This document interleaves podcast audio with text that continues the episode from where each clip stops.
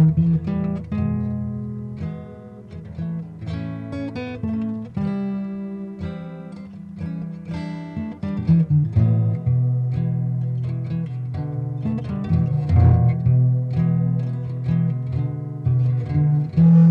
بكل مشاهدي القناة.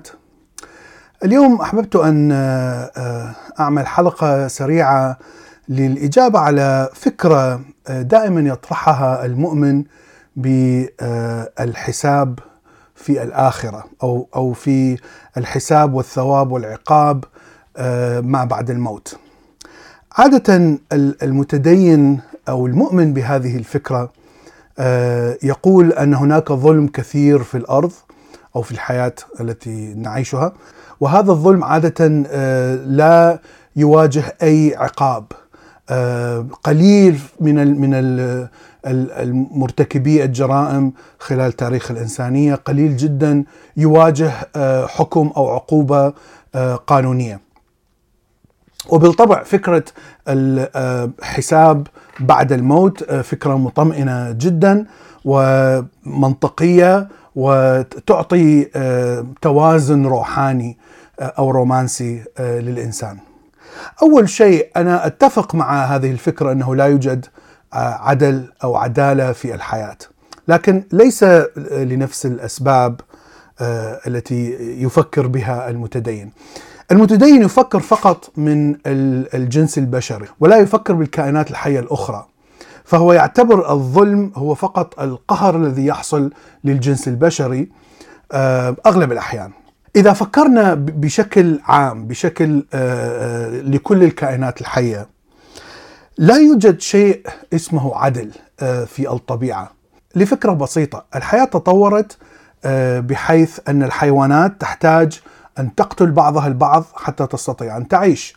أنت كائن من مملكة الحيوان لا تستطيع أن تصنع البروتينات اللازمة حتى تبني جسمك. فتحتاج أن تسرق هذه البروتينات من من إما حيوانات أخرى كائنات حية أخرى من المملكة الحيوانية أو من النباتات النباتات فقط هي تستطيع أن تصنع كل البروتينات الأحماض الأمينية اللازمة لبناء خلاياها حتى تستمر بالحياة. اذا الكائن الحي من مملكة الحيوان ومن ضمنها الإنسان أساس الحياة، جوهر الحياة مبني على الظلم، مبني على قتل هذه الكائنات بعضها البعض. اذا لا يوجد أي فكرة أو أي مجال للعدالة هنا. فاذا الحياة كلها مبنية على فكرة فكرة الظلم وفي النهاية فكرة العدالة خلقها الإنسان ابتكرها الإنسان حتى يستطيع أن يعيش في مجتمع كبير معقد وحتى يبني القوانين اللازمة حتى كل افراد هذا المجتمع يعيشون بسلام. لكن خارج هذا المجتمع فكرة العدل والظلم ليس لها أي معنى من وجهة نظر الحياة الطبيعية الواقعية. طيب فكرة الحساب ما بعد الموت فيها مشكلتين. المشكلة الأولى ان أن الكائن الحي من مملكة الحيوان ليس لديه اختيار في أن يظلم أو لا يظلم. هو مجبر على أن يقتل الكائنات الحية الأخرى حتى يستطيع أن يعيش.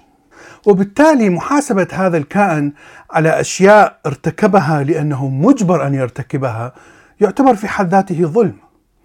الشيء الآخر أن إذا أنت حاولت أن فعليا أن تحاسب كل كل حيوان أو كل كائن حي في مملكة الحيوان على أي شيء ارتكبه بحق كائنات أخرى فإذا كل هذه الكائنات في مملكة الحيوان تعتبر مذنبة وكلها تعتبر أيضا مظلومة لأن الأكثرية يأكلون ويؤكلون.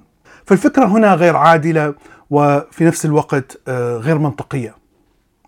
السبب الثاني وأعتقد أنه سبب مهم جدا أن الإنسان الذي يؤمن بالحساب ما بعد الموت عادة يشعر بالاطمئنان بوجود الظلم سواء كان عليه أو على أشخاص آخرين. ولا يحاول أن يغير هذا الظلم أو الواقع الذي فرض عليه بينما الإنسان الذي لا يؤمن بالحياة بعد الموت يعرف أن حياته هي الفرصة الوحيدة ويعرف أنه يجب أن يحاول أن يحسن من حياته بأفضل آه، شيء ممكن أو بأقصى شيء ممكن.